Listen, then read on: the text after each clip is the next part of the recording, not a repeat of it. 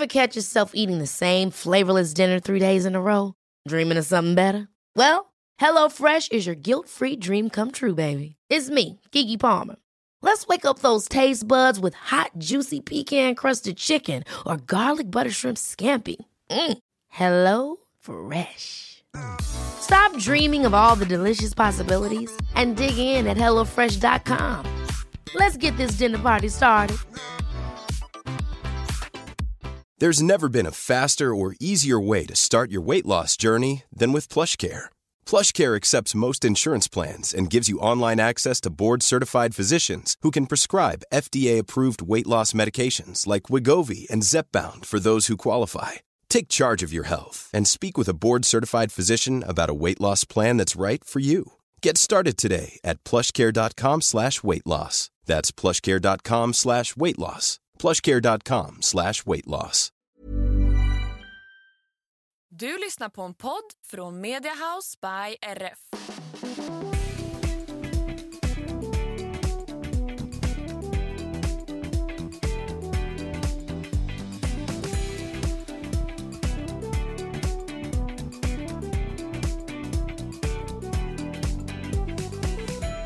Hej på er och varmt välkomna ska ni vara till systrarna Elfstrands hästpodd avsnitt 177. Mm. Eller vad heter det på tyska Anna? Ja, alltså grejen att vi diskuterade det här precis innan i vanlig ordning. Vi är våra, flummiga. ja, och vi är våra fantastiska språkkunskaper också. Mm. Einhundet, sieben und siebzig om jag inte har förstått det hela fel. Och på spanska tror jag att det är cien setenta y siete. SCN 100. 100. Ja, precis. okej. Så är det 200 så är det dos cien. Så då vet ni det om ni inte visste det innan. Precis, klockan är eh, strax efter sju på morgonen och eh, vi har inte sovit så bra i natt. Ja, ja, halv åtta. 28 om jag får be. Strax efter sju. Ja, ja. oj, oj, oj. Nej, ingen av oss har sovit särskilt bra i natt och jag Nej. vet inte ens varför. Nej, för mig så, jag glömde ju starta min AC i rummet innan jag gick och la mig. Eller det vill säga i god tid innan jag gick och la mig. Och då är ju, mitt hus det är ju som en um, bastu på sommaren då va. Och då går det inte att sova när det är svinvarmt i rummet. Så lesson learned, kom ihåg att göra det. Det var samma sak för vi har ju varit iväg en, semester, en, en vecka på semester. Och när jag kom hem igen mitt i natten och skulle gå och lägga mig, kunde jag sova då? Nej, för jag höll på att koka Mm. för att inte någon AC var på i mitt rum. Ja, alltså jag tänker det varenda år att jag och Samuel borde investera i en sån här AC som man sätter fast tänkte jag säga. Men det är väl typ som en eh, luftvärmepump tror jag. Mm. Ish, fast det är en AC eller så är det både och. Jag har inte riktigt förstått det där för jag är inte så himla insatt i det där Nej. med ja, luftsystem. men så har vi ju en likadan AC som du har och alltså den är ju bra men den låter ju så mycket så man Ja. kan ju ta på den medan man sover. Nej, jag vet det är ju mitt problem också. Jag är ju så himla känslig för ljud. Och även om man inte är känslig för ljud så kan jag säga att den låter väldigt mycket. Ja, det gör den. Jag vet om det var förra sommaren när det var så extremt varmt så sa jag och Samuel att nej men nu måste vi prova att sova med den här på. Ja. Så båda körde in öronproppar i öronen men man vaknade ju hela tiden av Jag är ändå imponerad över att ni ens lyckades somna. Ja, fast det gick ju typ inte. Till slut fick jag stänga av skiten. Ja. Så att eh, ja, nästa år kanske vi investerar i en AC. Och det är det som är grejen. Man har ju inte behövt ha det i Sverige förut. Men nu är ju somrarna så pass varma. Ja, och framförallt kanske vi inte bor i så himla bra. Alltså mamma och pappa, huset där vi är uppväxta, det är ju ett stenhus. Och har inte de någon sorts så här värmelösning som gör att huset alltid är väldigt bra tempererat? Jo, de har väl en bra ventilation i alla fall tror jag. Ja, Något sånt Alltså där. deras hus är underbart att vara i på sommaren. Det är så svalt och skönt. Det är svalt och skönt och på vinter så är det varmt och gött. Ja exakt.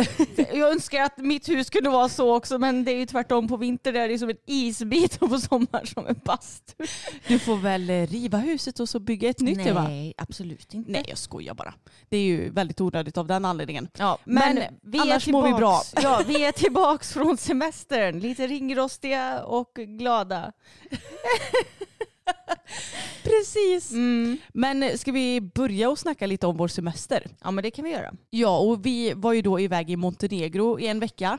Vi reste från Stockholm för att eh, vi har en kompis som bor där. Och om jag inte minns fel när vi höll på och sökte efter reseflyg, eller flyg ja, så var det väl bättre avgångar från Stockholm också. Ja, och jag minns inte om det ens gick något bra flyg ja, men från Landvetter dit vi skulle. Nej. I så fall var det väl mm, med mellanlandningar och sånt där. Ja men exakt och vi vill ju försöka bespara det. För vi reste från Stockholm till Dubrovnik i Kroatien. Och sen så var ju planen att vi skulle till Montenegro då. Och om vi skulle åka flyg till Montenegro så skulle vi behöva mellanlanda i Tyskland var det va?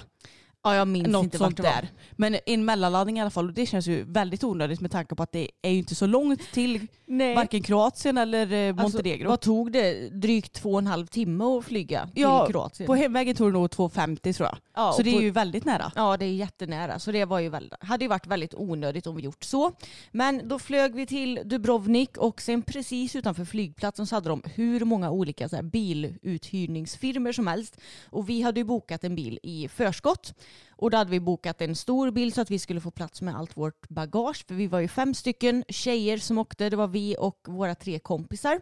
Och sen så bilade vi till Budva i Montenegro och det var ju bara ett par timmar dit skulle jag säga. Ja men det var ju inte alls långt och jag kan säga som så här att jag tycker inte att vem som helst ska köra bil i Montenegro. Nej. För att folk kör som, förlåt mig, men jävla idioter.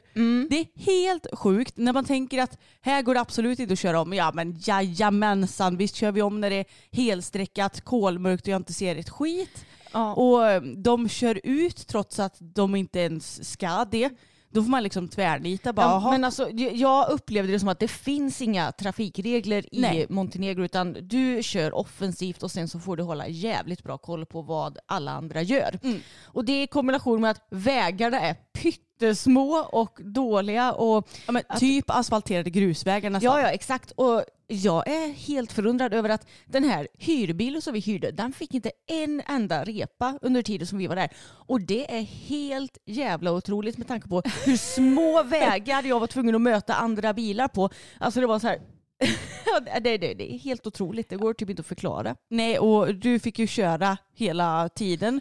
Och vi andra, vi var både vägvisare och höll stenkoll på vad andra gjorde så att vi kunde hjälpas åt för att det var helt sjukt. Ja. Jag skulle aldrig i hela mitt liv utsätta mig för att sitta själv i en bil i Montenegro. Nej. Eller jo, sitta kan jag göra, men köra i den, nej tack. Mm, det, var, det var en utmaning kan man säga. Mm. Men eh, det gick ju bra och Montenegro och Kroatien också för den delen är ju så himla vackra länder med sån fin natur. Montenegro det är, det är så himla grönskande. Alltså Mm. om man tänker utomlands så tänker man typ så här Grekland, det finns ju knappt ett grässtrå där känns det som. Och, Nej, det är ju fint för att det är mycket klippor och sånt där, Mm. men det är ju inte så grönt i Grekland. Liksom. Nej precis, men Montenegro det är, trots att det är så bra väder så är det grönt, det är massor av berg och fina så här stränder och vikar och när vi åkte hem så åkte vi typ igenom en lång by på en fjord typ. Mm. Och det var ju ett helvete att köra där kan Ja. jag säga.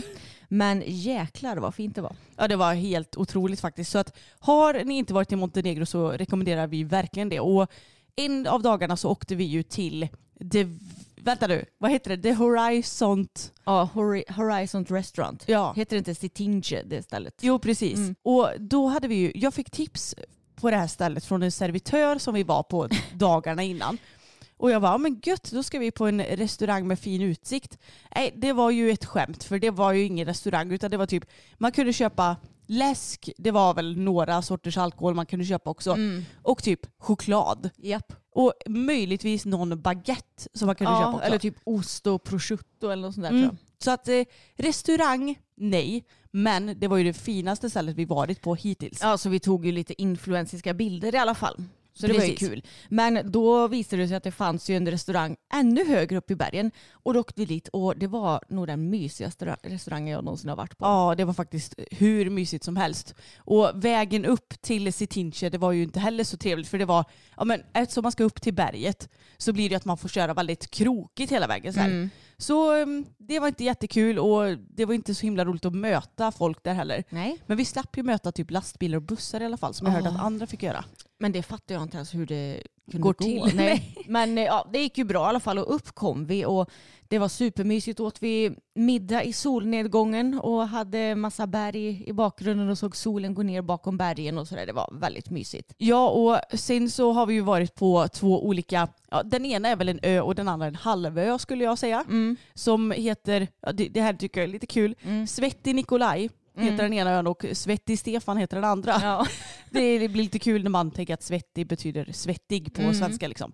Men om man ska välja en av de här två så rekommenderar jag Svettig Nikolaj. Ja. För det var ännu vackrare än Svettig Stefan. ja, det var så himla fint där. Och om det är någonting man ska ha med sig till Montenegro så tycker jag att det är ordentliga skor. För att på många ställen så är det ju stenstränder istället för sand. Och ja, jag badade en gång utan skor. Kan inte rekommendera det. Nej, det är inte så skönt faktiskt. Nej, men annars har det varit hur bra som helst. Maten har ju varit lite sisådär för din del. Ja men jag är ju vegetarian va och det som jag levde på hela veckan det var typ margaritapizza och pasta med tomatsås. Ja, och Alltså- en pasta med fem ostar eller vad var det? Ja, fyra. Ja, men de har ju inget så här vegetariskt protein känns det som. Det, Nej. Som vi har i Sverige. I Sverige går det att göra allting så himla lätt vegetariskt. För det är bara byt ut köttfärs mot vegofärs. Byt ut kyckling mot vegobites. Men det finns ju liksom inte där på samma sätt. Utan det är så här, ska du äta vegetariskt då tar vi bort proteinet överhuvudtaget. Ja, men typ så. Så att mycket pizza har det blivit i veckan. Ja. Men eh, nej, jag har inget att klaga på. Det var helt fantastiskt faktiskt. ja, verkligen. Och passar också skulle jag säga utmärkt att åka dit med familjen och sådär. Gud ja. Mm. Men nu har vi varit hemma i några dagar och i helgen så var vi till exempel ute och festade lite och vi måste ju dra lite rolig anekdot om det Anna, om Jaha. Samuel. Vänta, vad tänker du prata om nu? Ja men att när vi var ute på krogen Ja. och att Samuel blev igenkänd. Ah, ja, ja. Mm. Så kul för att vi var ju då och festade hemma i Lilla Vara. Det är typ en gång om året som det brukar vara en lite större fest och det är på jordgubbens dag. Jag tror vi har tagit upp det här tidigare i podden. Mm. Och jag, eh, ja men vi träffade inte så många som vi kände du och jag Emma. Nej faktiskt inte. Men Samuel så här, dagen efter, han bara, ja, jag eh, träffade ju en hel del som kände igen mig. Och så bara, men det är ju du, Samuel. Och han bara, ja.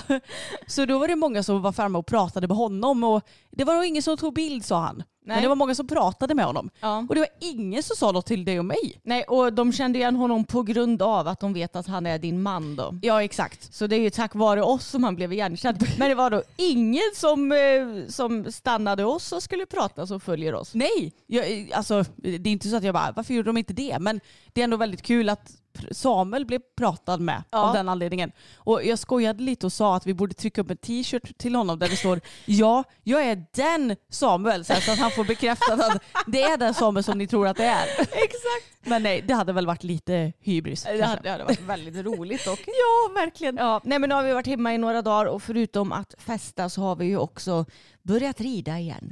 Precis, och det känns nästan lite konstigt och lite ringrostigt tycker jag. För att det blev nästan två veckor ifrån sadeln för min egen del.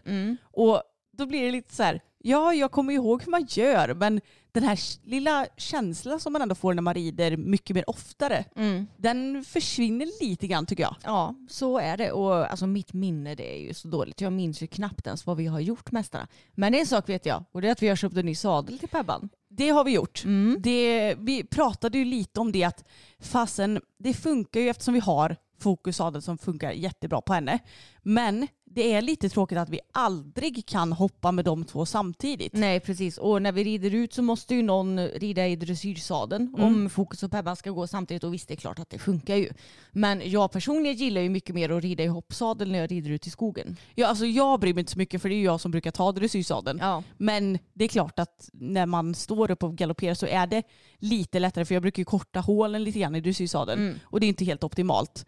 Så Josefin från Josefins sadlar som ju har gästat podden i vintras hon var ute i torsdags förra veckan Ja. och så gjorde vi en sadelutprovning och hon tog ju fram typ så här sex, sju sadlar till Pebban och du hade ju egentligen lite önskemål på Ja men du sa det att ja, men jag kanske vill ha någon enkelkåpad sadel. Ja, eller åt det hållet i alla fall. Att jag vill känna att jag kanske får lite mer kontakt med den än vad jag får i Fokus sadel. Ehm, och jag testade ju de här olika sadlarna. Alla passade på henne utom en. Hon är ju ganska så tacksam när det kommer till sadlar för hon har nog Alltså det är lätt att hitta en sadel som passar henne. Ja men hon har ju ingen jättemanke. Hon har inte så här supersvängd rygg och inte jätterak heller utan Nej. något mitt emellanting. Hon har inte så kort rygg heller. Nej precis utan vilken sadel som helst. Vi hade nog kunnat haft ja, 19 tum om det ens finns. Men nu behöver vi inte det. Men du testade ju sadlarna också kan vi Mm. ju tillägga. För att den som är känslig av, av oss, det vet ni ju redan att det är Emma. Det är jag. Jag är väldigt känslig och jag är också en ganska så bra kund skulle jag säga för sadelutprovare för jag sitter upp och så känner jag typ med en gång det här känns konstigt och så kan jag känna att ja, men det här känns bra och så rider jag lite mer och då, jag blir ju kär i grejer väldigt snabbt Ja. och dissar grejer väldigt snabbt kan man säga. Så jag hoppar upp och så säger jag nej och då byter vi sadel och det är perfekt för då slipper ju Josefin stå där i hundra år och vänta på att jag ska testa och sådär. Mm. Men jag, jag testade ju några olika sadlar och den enda som föll mig helt i smaken det var en Fleur de Lys Pompadour. Det är ju en fransk eh, sadel, eller ett franskt märke. Mm. Och det är ingen enkelkåpad sadel men man får lite den känslan att du kommer väldigt nära hästen. Du får ett bra stöd utan att det blir för mycket. Jag upplevde att ja, men typ skänken hamnade bättre på plats och att jag kände mig mer stabil och att det kändes bara ja, men det kändes naturligt när man stod i den i lätt sits och sådär. ja, det klickade när du satt i den sadeln. Ja, Mm. det gjorde det. Och det är ju lite häftigt också för att det som gör att den ger enkelkåparkänsla det är att ja, men alla sadlar har ju någon form av sån här, men gud vad heter det, bossa? Nej, Jo, nej. knästöd. Ja, knästöd ja. Mm. Som sitter under sadeln. Och på den här sadeln så hade de gröpt ur kan man säga eh, själva knästödet. Mm. Nej, kåpan, Kåpan. menar jag. Jag kan Mm. inte prata idag. Så att det blev ju att sadeln kändes mindre under den liksom Exakt. om det makes sense. Och när du hade bestämt dig för vilken sadel du ville ha så satte ju jag upp och bara testade lite för att jag är ju som sagt inte lika känslig som Emma men jag vill ju ändå eh, approve the saddle så att säga för det är ju Mm. inte bara du som ska hoppa Pebban givetvis utan det ska ju jag också göra. Så jag satte upp och testade och tog ett språng och jag, jag hade lite för korta stigläder så av den anledningen kändes jag lite flaxig. Men det kändes ju ändå väldigt bra med sadeln. Ja. Och något som modig Anna faktiskt gjorde det var att styra på ett räcke på 85 cm på en gång när hon hade hoppat upp på du, Pebban. du har allt börjat komma igång ordentligt nu i hoppningen. Ja, men jag, försöker att, jag försöker att avdramatisera det hela och bara ja men det är bara ett hinder vi ska bara över. Ja men det är sant. Ja, för det är, jag tänker att det är ju så det är och Mm. för Pebban är det ju verkligen ingen höjd på 85 cm. Nej exakt. Och jag eh, har ju ridit med den här sadeln. Jag har bara hunnit göra det en gång för att vi hade ju, ja, vi har ju inte haft all annan utrustning så att säga. Det har vi fortfarande inte än. Vi behöver köpa stigläder. Mm. Och då var det så här, ja men jag måste bestämma mig för vad jag ska ha för stigläder. För du har ju köpt Equiptus-läder till Fokus sadel. Och det är ju extra breda läder. Mm. Vilket ju, de är ju väldigt populära. Men jag är ju en lite speciell människa va. Så jag är ju väldigt känslig för ja, men både förändringar kanske och när så fort något känns lite obekvämt så är jag inte nöjd. Och jag vet inte, jag tyckte att det bara kändes lite klumpigt med dem när jag red jämfört med när jag hade smalare normala stigläder. Jag tycker det här är så lustigt för jag kände ingen skillnad på när jag hade Equiptus ver- versus något annat. Nej. Men det är ju olika vad man tycker om och så är det ju.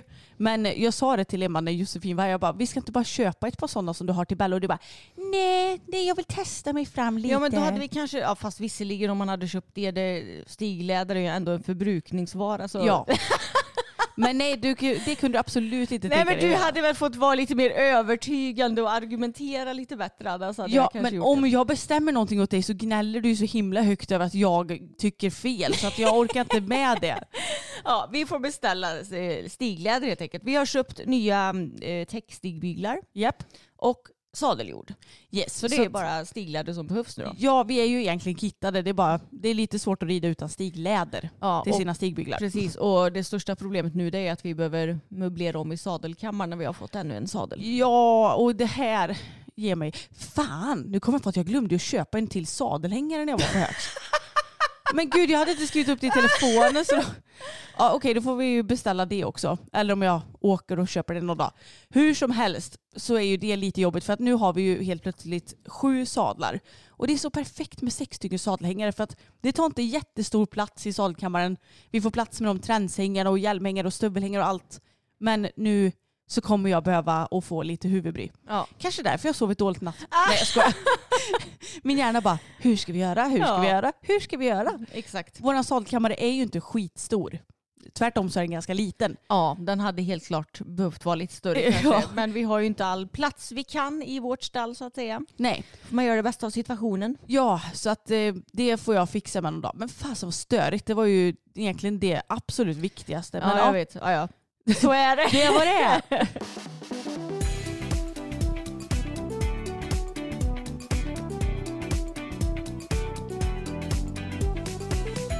Den 24 juni så la tidningen Ridsport upp en fråga på Facebook. När blev du riktigt orolig för din häst senast? Och så skriver de i texten att oro är på många sätt en stor del i många hästägares vardag. När knöt det sig i magen för dig senast? Anna, kommer du ihåg när du gjorde det för dig? Oj, men gud. Nej, inte vad jag kommer få på Nej, rak alltså, arm. det var faktiskt länge sedan för mig nu. Väldigt skönt. Och då är det folk som skriver alltid och att eh, oron kan ta bort mycket av glädjen och att de eh, ja, men är oroliga hela tiden. Och det här tycker jag ändå är ett ämne som kan vara värt att prata om. För jag vet att många lider av mycket oro och ångest, kanske både i vardagen och med sina hästar. Men du och jag, Anna, det känns som att vi kanske har jobbat lite för att inte ha så himla mycket ångest. Ja, men du och jag har ju blivit väldigt mycket sådana att det är ingen idé att gå runt och oroa sig förrän det faktiskt har hänt någonting. Exakt. Jag menar, jag kan inte gå runt och tänka så här, ja men nu kommer vi säkert hitta någon häst halt i hagen. Det är ju ingen idé att tänka innan ute dit att, ja men vem vet, jag kanske ramlar av idag så kommer man runt och oroar sig för det. Nej, exakt. För jag menar, du är ju inte bättre förberedd för när olyckan är framme om du går och oroar dig Nej. än om du inte går och oroar dig. Nej, exakt. Så jag, jag har nog inte riktigt förstått den här typen av oro för att jag känner inte igen mig i det överhuvudtaget. Nej. Och då har ju vi ändå haft ganska så mycket otur med våra hästar genom åren. Ja. Det kan man säga. Men min, alltså, min grundtanke med själva livet i stort är att tänk inte för mycket på framtiden och vad som ska hända och oroa dig över vad som ska ske. För det, alltså, det enda som det gör det är ju att du mår sämre här och nu. Ja och dessutom så tycker jag inte heller att man ska hålla på och älta. Vi, vi försöker ju verkligen leva här och nu. Det är klart att vi kan gå tillbaka och tänka på positiva händelser. Men att till exempel gå runt och tänka att fan varför sa jag det där? Eller tänk att eh, ja, men Pebban hon skadade sig för ett år sedan och, och då mådde vi inte alls bra. Du vet hålla på och älta dåliga grejer. Det är ju Ja. lätt att göra det. Absolut. Men vi försöker ju inte så mycket att göra det. Nej precis och det är nog ganska så lätt att göra det som hästägare. Men jag tycker det är tråkigt att se att så många verkar vara oroliga typ hela tiden och det måste ju verkligen ta ifrån en glädjen i att ha häst.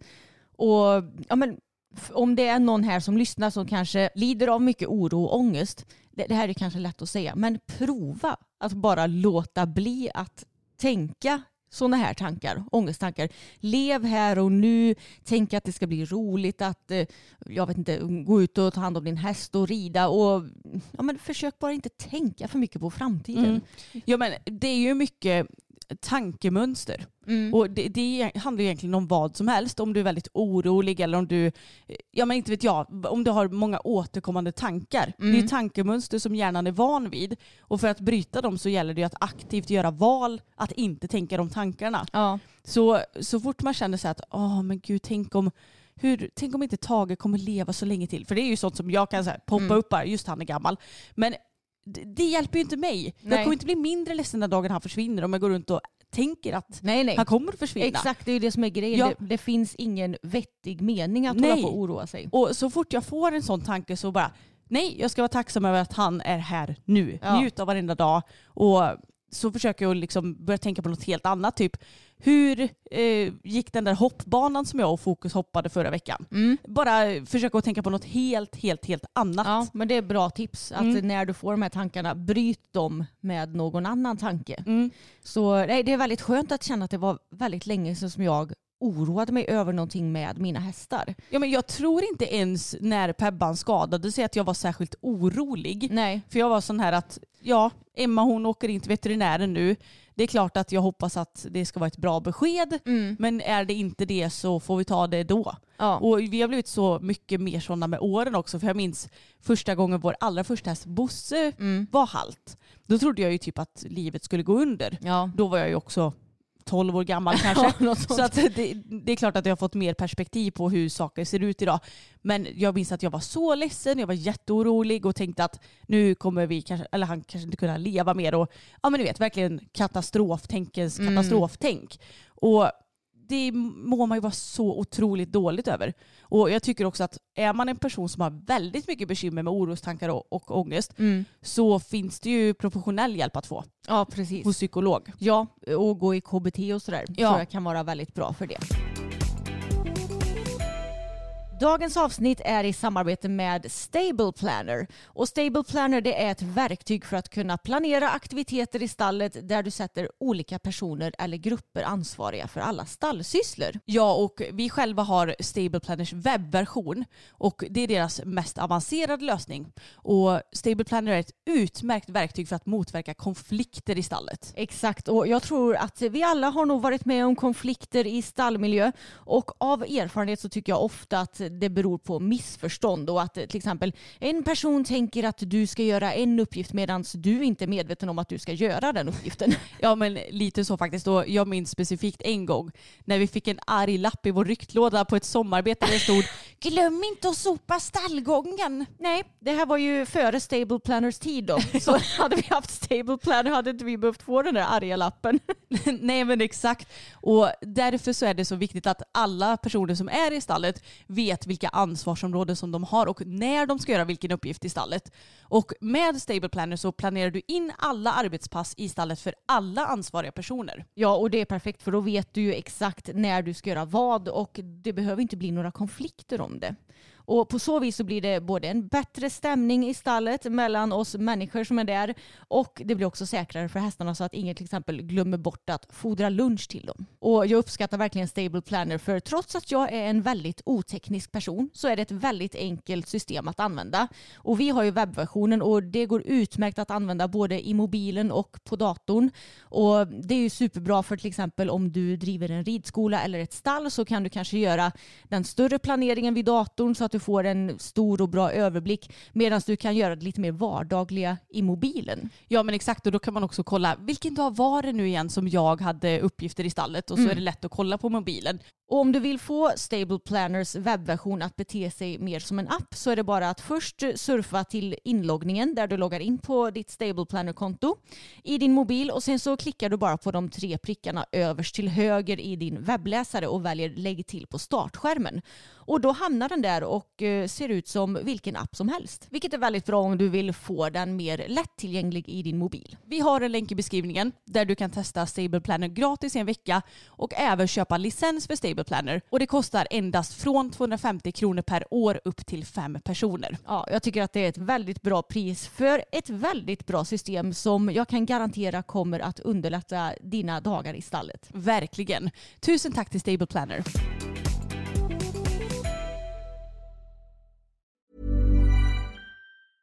Many of us have those stubborn pounds that seem impossible to lose, no matter how good we eat or how hard we work out. My solution is PlushCare. PlushCare is a leading telehealth provider with doctors who are there for you day and night to partner with you in your weight loss journey. They can prescribe FDA-approved weight loss medications like Wagovi and Zepbound for those who qualify. Plus, they accept most insurance plans. To get started, visit plushcare.com slash weight loss. That's plushcare.com slash weight loss.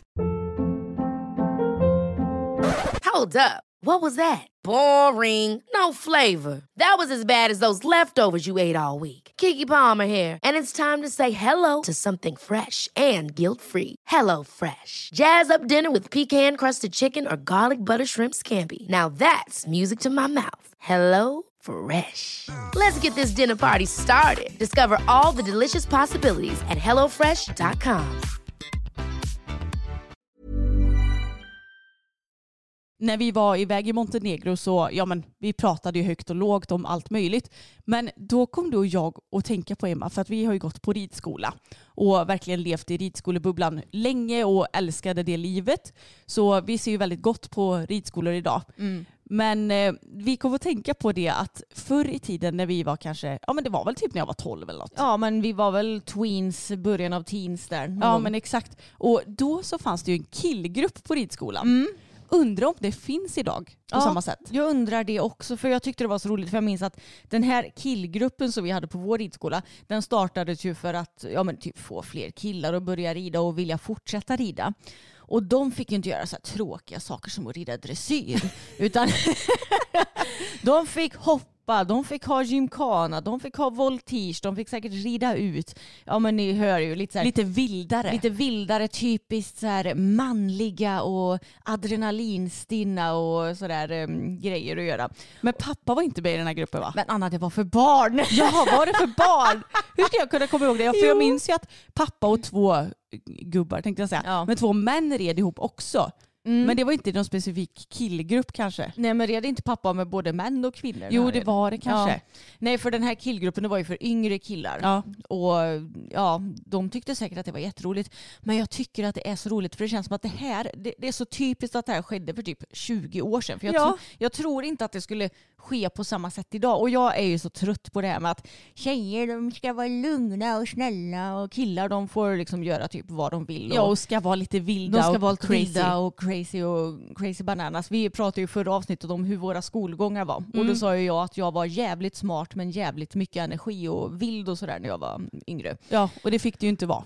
Nej, alltså det fick ju jag höra från eh, fritidspedagogerna. Ja. Kan Och, inte du bara sitta och eh, virka som eh, hon gör istället man. ja, så konstigt. Och Mm. jag måste bara flika in att jag vill säga ett tack till alla som har skickat så mycket kärlek om det här avsnittet. Mm. För det var väldigt uppskattat från er och det gör oss jätteglada. Ja, verkligen så himla gulligt. Ja. Nej men jag, jag känner ju verkligen igen mig i de här, ja men så så här ska flickor vara och så här ska pojkar vara. Ja. Och om man inte faller in i de kategorierna så ska typ samhället försöka ändra på en. Nej. Eh, och jag, jag är ju lite så här tudelad till det här med den här typen av killgrupper. Jag kan tycka det är en grej att ha en killgrupp så här, ja men det här, i den här gruppen rider bara killar så att de här killarna får umgås med varandra och ta del av sitt intresse med varandra för det kanske kan bli enklare på så vis eftersom ja, men det känns som att det kanske kan vara svårt att slussa in yngre killar i sporten. Killar är ju oftast väldigt framgångsrika i sporten på en högre nivå. Men om man tar, säg 10 till 15-åringar på ridskola då är det ju en stor dominans av flickor som Ja, rider. verkligen. Så på så vis, jag, jag tycker inte det är något fel att ha killgrupper. Men jag tycker inte att de ska göra någonting annorlunda än vad tjejer eller blandgrupper gör. Nej men jag håller verkligen med. Och jag tror också att det kan vara bra att ha killgrupper för att de kan ju säkert ha stöttning av varandra Ja. om hur de tacklar för att det är ju fortfarande så idag att, ja men för både killar och tjejer givetvis, att det är så här, ah, rider du häst, vad tuntigt och eh, Hamburgare, sit, ja, sitter där på jävla hamburgare och bla bla bla. Och då kan det ju vara skönt att ta stöttning av varandra hur man tacklar sådana människor som Mm. håller på och säger sånt. Och det är klart att det kan ju tjejer och killar hjälpas åt med också. Men jag tror inte det är helt dumt ändå med killgrupper. Nej, det tror jag inte heller. Men som sagt, jag tycker fortfarande att de ska göra samma sak Ja. som, em, som tjejerna och blandgrupperna gör. Det, är så roligt, för jag, jag tror ju inte att om det finns killgrupper idag, att de gör på det här viset som det var för 20 år sedan. Det tror inte jag heller. Nej, och fan, vad orättvist också. Varför ska de få göra allt så här roligt? Det är väl många tjejer som också är fartfyllda och tycker det är jättekul och busa runt och så ska, så ska de få tvingas att sitta och rida dressyr och sitta ner i traven och allt Men vi tyckte ju det var väldigt kul med dressyr också, Ja, när vi ja. gick på, även på ridskolan. Men jag vet att vi tyckte det var skitkul när det väl blev så här, lite gymkana eller något annat lite mer busigt. Mm.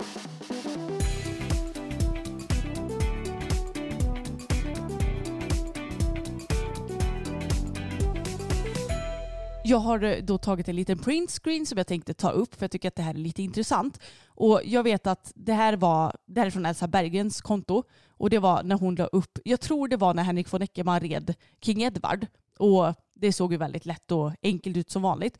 Och så la hon upp en sån här box där man kan ställa frågor och påståenden och så skrev hon skriv något ni tänker på slash noterar med detta klipp. Jag har för mig att det var Henrik von Eckermann i alla fall. Jo men det var det, jag känner igen det här också. Mm, och så la hon ju också upp när, vad folk hade skrivit och, och sådär. Och så var det en som hade skrivit här i Holland lär de ut att sitta hela vägen men han står upp hela tiden. Ja, Alltså Henrik von Eckermann, att ja, han står när, upp när han hoppar ja. Mm. Mm. Och just det här med här i Holland lär de ut att sitta hela vägen tycker jag är väldigt intressant. Mm. För att jag har ju en holländsk häst, Mm. Fokus, som var sju år när jag köpte honom och alltså ja, ridits bara av holländare antar jag. Ja. och sen av mig. Och jag tycker det också är lite kul för jag ska bara läsa upp Elsas svar om det är någon som, Mm. som är nyfikna. Olika överallt. Min tanke är så här. Sitter du och ramar in med ben och sits så behövs mindre hand.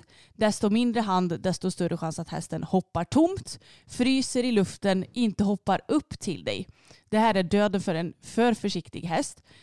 Eddie, alltså King Edward, precis som många andra topphästar är extremt försiktig och kräver att ryttaren har dem framme till handen och hoppar igenom handen.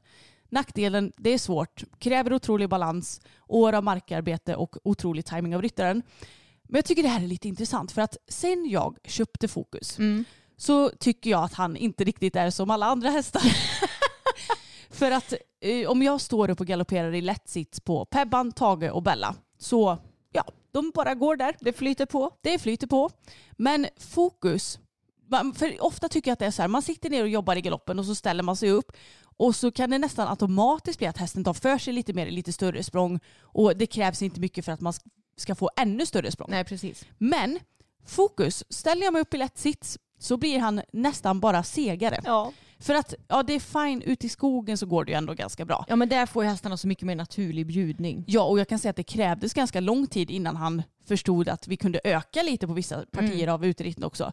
För vi har en speciell sträcka där vi brukar galoppera på lite. Mm. Och i början så var jag så här, ja men då går vi fram och han bara typ slängde upp med huvudet. Jag bara, du får gå framåt. Ja. Försökte igen och det var han bara, nej.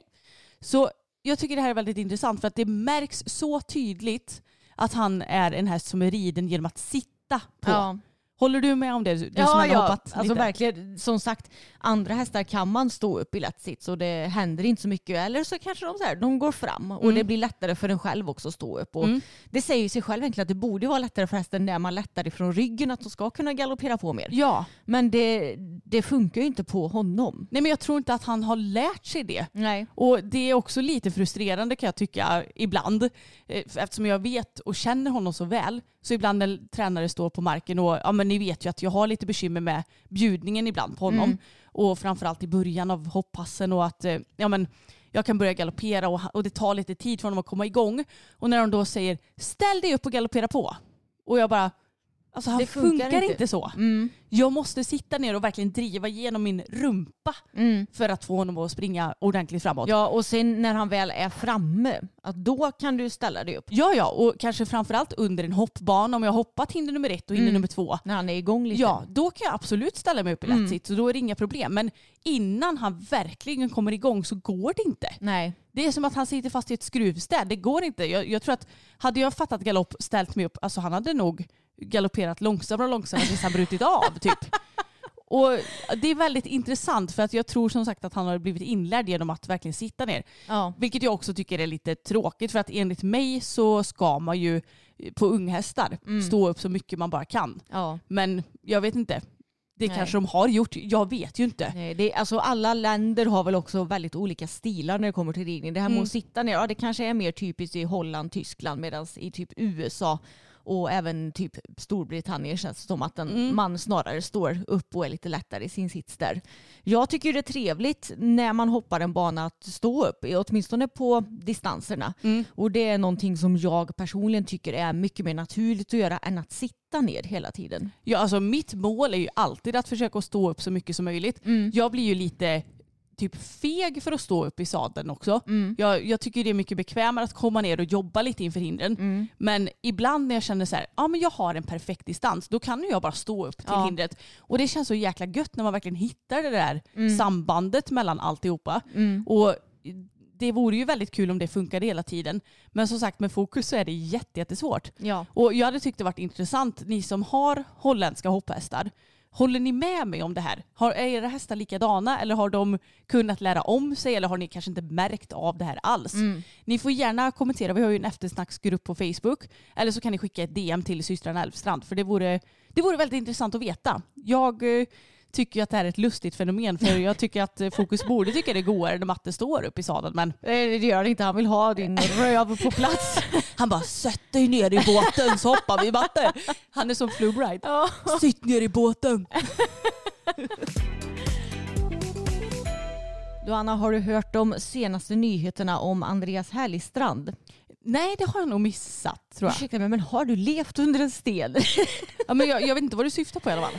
Nej, men det är ju så här att en journalist ifrån dansk tv Jag som har granskat honom. Ja, Ja, tog, det har jag. precis, tog jobb som hästskötare hos honom Mm. och har då filmat med dold kamera Mm. under tiden som ja, han eller hon, jag vet inte vad, vem det är, har jobbat där. Och det här ska ju då sändas på dansk tv. Den heter Operation X och planen är att den ska sändas i höst. Jag kommer sitta bänkad kan jag säga. Kommer man kunna se det från Sverige? Det går säkert att lösa på något sätt. Jag, jag har VPN. ja det, just det, ja. Det hade jag glömt av. Vi har VPN, det är bara att ladda ner det där eh, TV2 danska appen så kan vi garanterat kolla på det. Vi kanske inte kommer fatta så mycket dock. Vi bara, can you put some English subtitles please? ja, men det kan, om de har danska subtitles så går det för man fattar ju ändå danska i text bara Ja. inte när de eh, pratar. Nej. Men ja, det var ju då en reporter som tog anställning hos honom och har dokumenterat verksamheten i stallet. Och Andreas Hellstrand har då polisanmält det här tv-bolaget för detta. Och han menar att eh, ja, men det här med att filma med dold kamera inkräktar på medarbetarnas integritet. Och eh, i ett pressmeddelande tidigare från eh, Hallistrand Dressage så har de sagt att det är otroligt kränkande och väldigt bekymrande att våra medarbetare och jag har fått vårt privatliv kränkt för att skapa en spännande dokumentär. Så ja, de har ju då polisanmält det här tv-bolaget och vi får väl se hur det blir med den delen. Men det som jag vet att folk har reagerat på det är att han säger att de inkräktar på ja, men hans och medarbetarnas privatliv. Men det är inte privatliv, det är ju deras professionella liv. Precis. Och i synnerhet hans professionella liv. För det är ju främst han antar jag som blir granskad. Ja, och jag tror inte att man hade polisanmält om man inte hade haft något att dölja. Nej, det, det är Eller- så jag tänker också. Det är väl klart att en dold kamera är ju, det, det är ju lite som han säger, även om det kanske inte är på att det inkräktar på deras privatliv. Nej. Men det är klart att en dold kamera är ju inte helt okej alltid kanske. Nej. Eh, Men samtidigt så tror jag också så här att hade man fått reda på att ah, men nu har de filmat med dold kamera här Mm. och han absolut inte har något att dölja då kanske Mm. han bara ja ja Ja, whatever. precis. Men det känns ju som att han har lite att dölja. Jag tror han har ganska mycket att dölja Mm. faktiskt. Gud vad intressant. Hoppas att den släpps för jag Ja. vill verkligen se den. Jag vill också se den och vi kommer ju givetvis att uppdatera om ja, det som sker härnäst i podden så att säga. Ja. Vi är ju inget fan av Andreas Härligstrand som ni säkert vet. Nej. Så ja, det ska bli intressant och väldigt kul med den här typen av granskande journalistik Verkligen. tycker jag. Och det är ju hos en, som, en person som jag verkligen tycker behöver granskas också. För han har så extremt mycket pengar, har så extremt stort inflytande i sporten. Och, Sitter på unga hästar som Ja. eh, kan allt och man bara hmm. Mm, hur kan de göra det? Mm. Hur kan de röra sig på det viset? Ja. Och så vidare. Så ja, jag tror det kommer att bli en intressant dokumentär. Mm. Och som du säger, har du inget att dölja så blir du ju inte heller arg. Om Nej något och sånt här. defensiv liksom. Exakt. Mm. Men eh, det är ju fler dokumentärer tänkte jag säga som har blivit eh, polisanmälda. Bland annat eh, den här om Estonia. Ja just det ja. Blev ju polisanmäld. Mm. Och det är också en otroligt intressant ja dokumentär. den var så bra. Ja, den kan vi verkligen rekommendera om ni gillar, ja men vad ska man kalla det? Ja, reality. Grä- grävande dokumentärer. Ja, jag tänkte Eh. säga reality, men alltså eh, vad ska man säga om olyckor som har hänt och så Ja, och lite konspiratoriska är ju den också. Ja det är den. Mm. Och jag tycker den är superintressant för att Mm. det känns som att eh, Sverige har verkligen försökt Det- att dölja någonting. Det- Jag tror det är mycket som har blivit dolt Mm. när det kommer till bland annat det.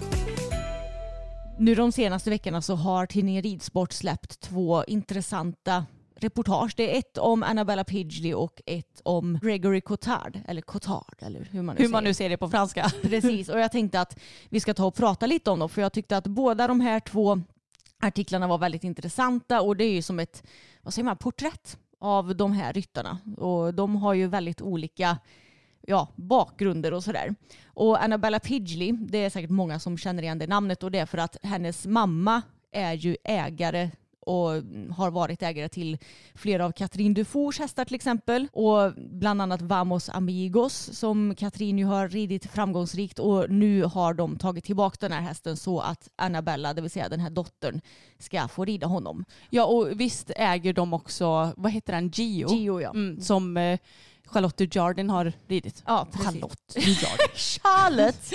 Excuse me. Ja, precis. Så det här är ju då en privilegierad 18-åring var hon när den här artikeln släpptes i alla fall. Hon har precis tagit studenten. Och jag tyckte det var väldigt intressant att läsa för jag tänker att oavsett hur mycket eller lite pengar du har, du måste ju ändå jobba hårt för att lyckas i sporten oavsett om du får eh, tillgång till så här bra hästar som hon har eller om du behöver jobba dig uppåt. Och det står bland annat att ja, men nu när hon har gått i skolan så har hon gått upp vid fyra på morgonen för att hinna rida och sådär. Och Åh hinna med hinna med plugget. Så hon verkar vara en väldigt driven tjej och i artikeln så får jag också uppfattningen att hon är ja, men väldigt ödmjuk och förstår hur privilegierad hon är. Och jag tycker att någonting som kan störa mig det är att när typ tidningen Ridsport la ut på Facebook om den här artikeln och det här är en plusartikel då så det är inte alla som kommer åt att läsa den. Men då är det ju genast folk som ska kommentera att eh, ja, jag är så trött på att läsa historier om att eh, alla kan lyckas och att pengar inte spelar någon roll. Men det har hon inte sagt en Nej. enda gång i den här artikeln. Utan tvärtom så verkar hon vara väldigt medveten om hur privilegierad hon är. Ja, och jag tänker att hon snarare tänker att ja, hon har fått värsta möjligheten att kunna köpa bra hästar eftersom Mm. hon har mycket pengar. Men som du säger, man kan ju inte bara gå och köpa en bra häst Mm. och tro att den ska kunna bara, nu är det Grand Prix. Gör, gör, gör hela Grand Prix-programmet eller Mm. nu är det Grand Prix special så spring det programmet. Nej. De är ju inte programmerade för den sakens skull. Nej. Hon måste ju fortfarande ri- lära sig att rida Mm. piaff och passage och byten i varje och alltså allt sånt där. Så jag, jag tycker det är så lustigt när folk typ drar sina egna slutsatser om vad som sägs i artikeln när det inte ens sägs. Ja men så är det ju hela tiden Ja. så fort det är någon artikel. Och det kvittar ju, det är ju inte bara ridsporttidningar utan det är ju alla sorters tidningar eh, som finns och artiklar. Det bästa av allt är ju ändå när folk läser en rubrik och kommenterar utefter Ja, det. ja. Men Man så bara, är det ju alltid. "Åh, Ni kanske ska läsa artikeln först innan ni uttalar er. Ja, det, det blir ju, en sån här kommentar den blir ju väldigt irrelevant Mm. när det inte står någonstans i artikeln att det är så här. Sen så kan jag ju förstå att ja, det är klart att det hade kanske varit eh, intressant att få höra lite mer om folk som har verkligen jobbat sig upp från ingenting. Men jag tänker att sådana artiklar kommer ju säkert också, till exempel den om Gregory Cotard var ju en helt annan historia. Mm. Och jag tycker det är intressant att eh, få höra flera olika perspektiv. Och ska man vara sån, Annabella, hon, eh, hon är ju så här, eller hennes familj är så här rik för att hennes pappa byggde upp ett ja, men, miljardbolag Mm. ifrån ingenting och sen så gick han bort för några år sedan. Så att hon har ju blivit då arvtagerska till det här. Mm. Och hennes mamma har ju också givetvis då de här pengarna. Men jag menar, det, det är inte, hon har ju inte valt att födas in i det här livet. Nej. Och om, eh, säg att du och jag, ifall vi hade fötts in på något sånt här vis, ska vi då bara, nej, jag, jag, jag struntar i allting för att jag kan inte med att eh, ta vara på de här privilegier, privi, Privilegierna. ja, som jag får. Nej men eller hur, jag menar vem skulle tacka nej till det? Mm. Det, det tror jag ingen hade gjort. Och jag kan väl ändå förstå också att folk kan bli lite avundsjuka, även om jag tycker det är konstigt att bli det på en person man absolut inte ens känner. Nej. Men det är väl klart att man ibland funderar lite på hur hade det varit om man hade varit i hennes skor? Mm. Men samtidigt, varför inte bara... Nej, men jag, jag, förstår inte hur man kan lägga så mycket värderingar på det. Nej, precis. Nu har jag knappt sett henne rida alls, men jag har sett några klipp, för hon var ju med och red i Aschen nu till Mm. exempel. Och red då de högsta klasserna på Vamos Amigos. Och ja, de får ju långt ifrån lika bra poäng som han och Katrin fick. Men det är ju inte konstigt med tanke på hur ung hon är och att hon inte har ridit honom lika mycket. Och jag menar, det tar ju tid att bli samspelta. Men jag tycker att det har sett väldigt trevligt ut när hon rider. Det känns som att hon rider mjukt. Jag tycker att eh, av det jag sett han går i en trevlig form. Och så såg vi att hon fick någon eh, lite mindre trevlig kommentar på sin Instagram nu efter Aschen också. Ja, då var det någon som hade kommenterat eh, typ varför rider du Vamos Amigos? Det såg mycket bättre ut och gick mycket bättre när han gick med Katrin. Typ något sånt där. Ja, typ lämna honom till någon professionell. He's not a puppy. Ja, precis. He's Mm. not a puppy. Mm. Och jag tycker det var så himla taskigt för att jag tycker också det är så konstigt. Det är väl klart som fasen att han får bättre poäng med Katrin för Mm. att hon har ju ridit betydligt längre Mm. och har varit inne i det professionella mycket längre än vad Annabella har. Mm. Men jag tycker också det är så kul för att det, det, det här är någonting som vi har pratat om många gånger i podden. Mm.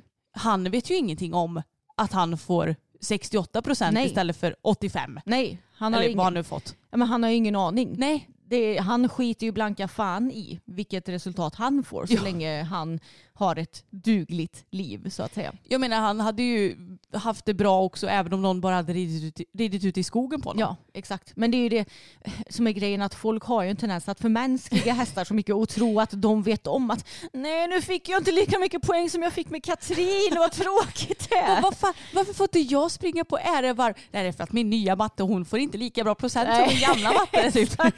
Alltså hästar tänker inte på det viset. Nej, även om det är lätt att tänka så ibland. Mm. Att, ibland kan jag tänka att fasen, det, jag tror att eh, ja, men typ eh, Pebban hade tyckt det varit roligare att hoppa med någon som är duktigare. Men hon skiter väl i det. Mm. Jag, jag tror att hästarna försöker, eller de förstår väl ändå att man gör sitt bästa och de är nöjda så länge man inte är taskig mot dem. Liksom. Ja, exakt. Så jag förstår inte. åh. Det kanske var ett eh, hardcore Katrin Dufour-fan som Ja. inte gillar att Annabella har tagit över tyglarna. Jo men de som tar över tyglarna på hennes hästar får ju också höra det. Katrin är ju så himla stor på sociala medier så jag vet att den här killen som köpte Bohemian, eller som rider ja, Bohemian, det. han har säkert också fått, eller jag har sett att han har fått ta en del skit också. Mm. Så det kan ju inte vara lätt att ta över en häst från en ryttare som är så fram, både framgångsrik resultatmässigt och stor på sociala medier. Nej, verkligen inte. Och det här tycker jag är ett intressant ämne. För att jag tror att många kan vara så här, ja men det borde ju vara ganska lätt att ta över en häst som har gått så högt och så bra. Men jag tror att det snarare kan sätta mycket press hos en själv. Ja. Att veta om, ja men säg att jag hade gått och köpt en Grand Prix-häst i dressyr. Och då vet man om att hästen kan allting. Och då borde det gå bättre. Men det är klart att det inte gör det. För jag Nej. menar, du måste ju som ryttare göra rätt. Det tar tid att bli samspelta som du sa. Och alltså, man rider ju olika och har olika typ av mentalitet som Mm. ryttare också. Så det är ju inte konstigt om man får sämre poäng. Nej. Man kanske aldrig kommer komma upp i föregående ryttares resultat. Nej, precis. Men det är också sådär att på den tävlingen så var det de domarna som dömde det här ekipaget.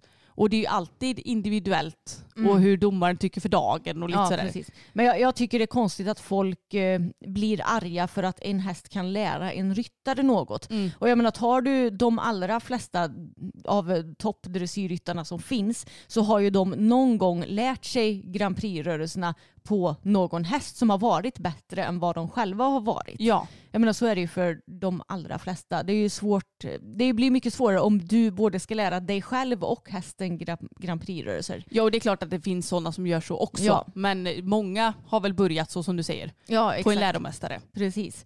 Så ja, jag vet inte, jag tycker bara det här fenomenet att klaga på det här är konstigt för att hästarna bryr sig inte om vilka tävlingsresultat de får. Och sen har ju då tidningen Ridsport varit hos Gregory Cotard som är en fransk hoppryttare. Nu i år kanske mest känd för att ha ridit eh, ja, men till exempel Göteborg, en skimmel utan nosgrimma.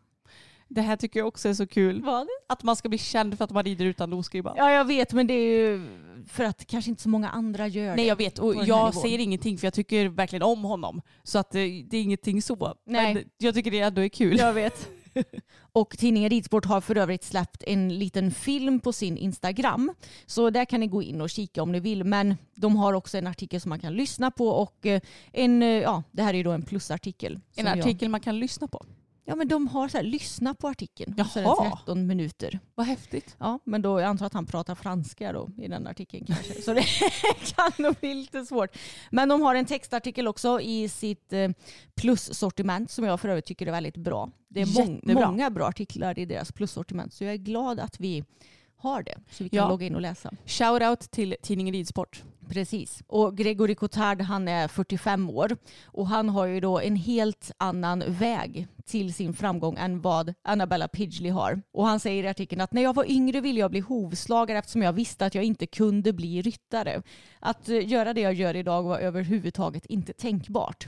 Och han berättar också att när han var ung så var hans mål att en dag kunna tävla 1,35 hoppning och nu har han ju som mål att rida OS då till exempel. Mm. Så det är väldigt inspirerande. Han har ju tagit en eh, helt annan resa och haft en lång väg till framgång för nu är han ju 45 år. Och det är också ett bevis på att ridsporten, din karriär i den är ju så himla lång. Ja men det blir ju aldrig gammalt nästan känns det som. Eller Nej. man blir ju aldrig för gammal. Nej, du får ju alltid mer och mer kunskap Mm. och kan ju lyckas även när du är över 40, 50, whatever. Mm. Och han är då uppvuxen i en familj helt utan någon koppling till hästar också. Och det gör ju inte saken lättare heller kanske om man är intresserad av sporten och vill lyckas. Och han red ju precis som oss på ridskola också när Mm. han var liten. Och Gregory han känns som en väldigt, väldigt ödmjuk ryttare och också som en ryttare som är öppen för att testa många nya grejer. Lite så som jag tänker att Peder Fredriksson är. Det Mm. känns som att Peder också är väldigt duktig på att testa nya saker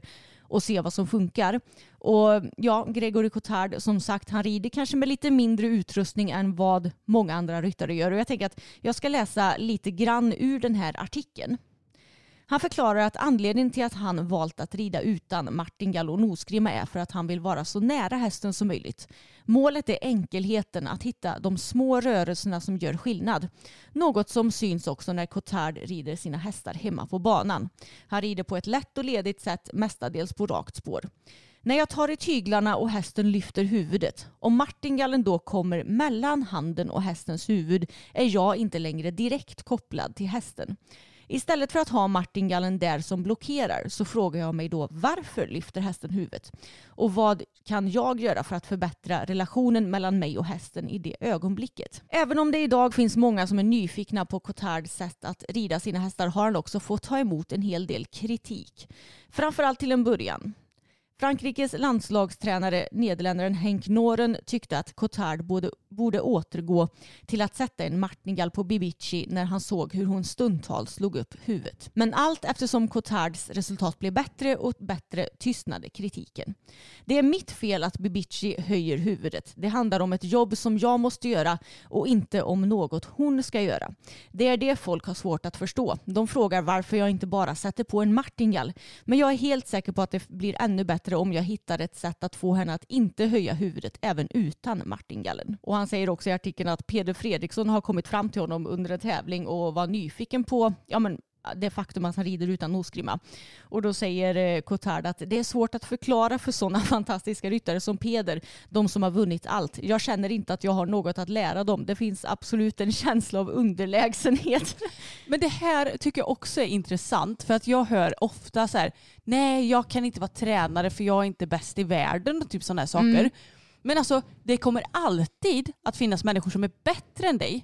Men det kommer också att finnas de som är sämre än dig. Ja. Och jag tycker inte det spelar någon roll om man ens ligger på liknande nivå. Du kan ändå ta upp saker från alla människor. ja, och du har olika kunskaper om olika saker. Ja exakt och det som jag kan lära mig av någon som, ja men säg att jag skulle prata med en person som kanske har egen häst men har ridit i två år. Så kanske den har någonting att lära mig som ändå haft häst i 20 år. Ja, exakt. Men då kanske man kan ta upp saker som man inte tänker på för att de tänker på ett helt annat sätt. Man kan ju vidga sin tanke mycket mer. Så det är så tråkigt när folk lite klankar ner på sin kunskap på det Ja, sättet jag vet. tycker jag. Jag, jag tycker det också. Och det återgår lite i den här artikeln att han, han säger till exempel att han inte är redo för att vara tränare än till exempel för att han inte tycker att han har tillräckligt med kunskap och Ja, sådär. men det är ju precis så som jag pratar om. Jag vet. Han har ju tillräckligt med kunskap för många personer i världen. Verkligen. Och sen eh, i filmen som finns på tidningen Ridsport Instagram så säger han också att han har på sikt planer att ändra på ännu mer i sitt, eh, sin horsemanship och sin ridning. Och för övrigt så säger han i artikeln också, han berättar att han har tagit hjälp med horsemanship av en horsemanship-tränare och att han sen implementerar det här i ja, både hanteringen och ridningen av sina hästar, vilket jag tycker är väldigt intressant.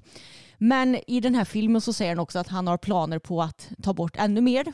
Till exempel sporrar har han plan att sluta rida med på sikt.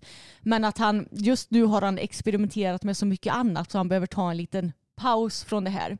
Och det tror jag är klokt för om du försöker ändra på för mycket på samma gång så kan det nog bli lite brain eh, vad säger man, brain freeze eller att det, att det blir för mycket för kanske både dig och hästarna. Ja och jag tänker också att då blir ju problemet också att om du känner att ja men gud nu känns hästen mycket bättre. Ja men varför gör den det då? Är det för att jag plockade bort nosgrimman, sporrarna eller att jag bytte till andra skor på den? Det gäller ju att kanske göra en förändring i taget så att du kan utvärdera den om det blir bättre eller sämre och så Ja. kan man gå vidare till nästa Det är sak. sant. Och man bör ju kanske inte heller vara för långt utanför sin comfort zone. Nej, Men jag tycker att hans tänk är väldigt bra och det är ju lite eh, refererat till det som vi pratade om i, var det två avsnitt sedan när vi pratade om ridpodden eh, och deras avsnitt om utrustning. Och att eh, Maria inte tror att det kommer att gå att rida på det här och det här typ.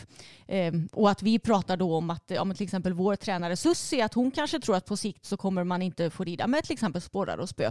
Och det känns som om Gregory, att han också är väldigt inne i det här tänket. Att få ner allt till så lite som möjligt och att det ska vara en så nära kontakt med hästen som möjligt.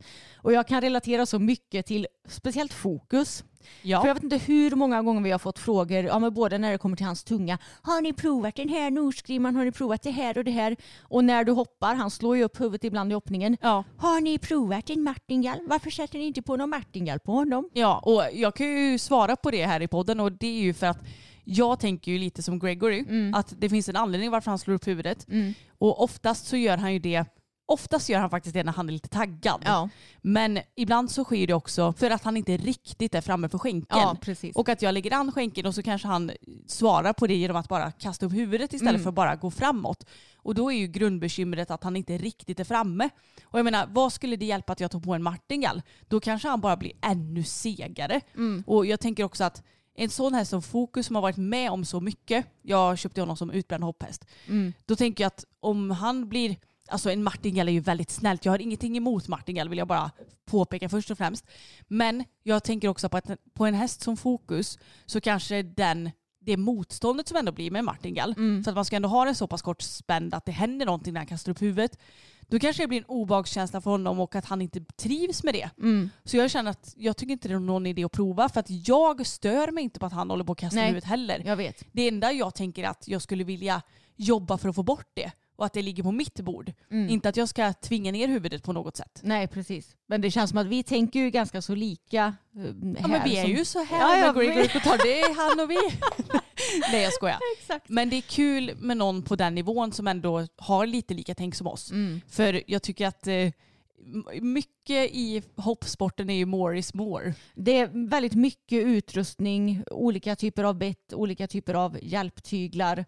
Eh, många rider också på typ gramman när de rider sin nästa på marken. Och det är också en grej varför vi är ganska så anti hjälptyglar överlag. Det är ju som Gregory säger att då kommer du ju inte nära hästen på samma vis och då är det ju någonting som är emellan mig och min kontakt till hästen. Ja och jag tänker också att man dämpar ju bara symptomen Exakt. och inte får tag på grundproblemet. Ja, precis. För det är ju precis det som Gregory hela tiden försöker göra känns det som. Han försöker komma åt vad är det som gör att hästen slår upp huvudet. Vad är grundproblemet? Vad är grundproblemet? Inte hur löser vi det här symptomet? Nej och hur löser vi det här på snabbaste sätt? Precis. det, det, jag tyckte det var en väldigt inspirerande artikel och jag kan varmt rekommendera att eh, ja, men både gå in och kolla på filmen på tidningen Ridsport Instagram och på artikeln hos Mm. tidningen Ridsport. Och nu hoppas vi bara att eh, Gregory får lite bättre självförtroende för det här med att han faktiskt kan någonting.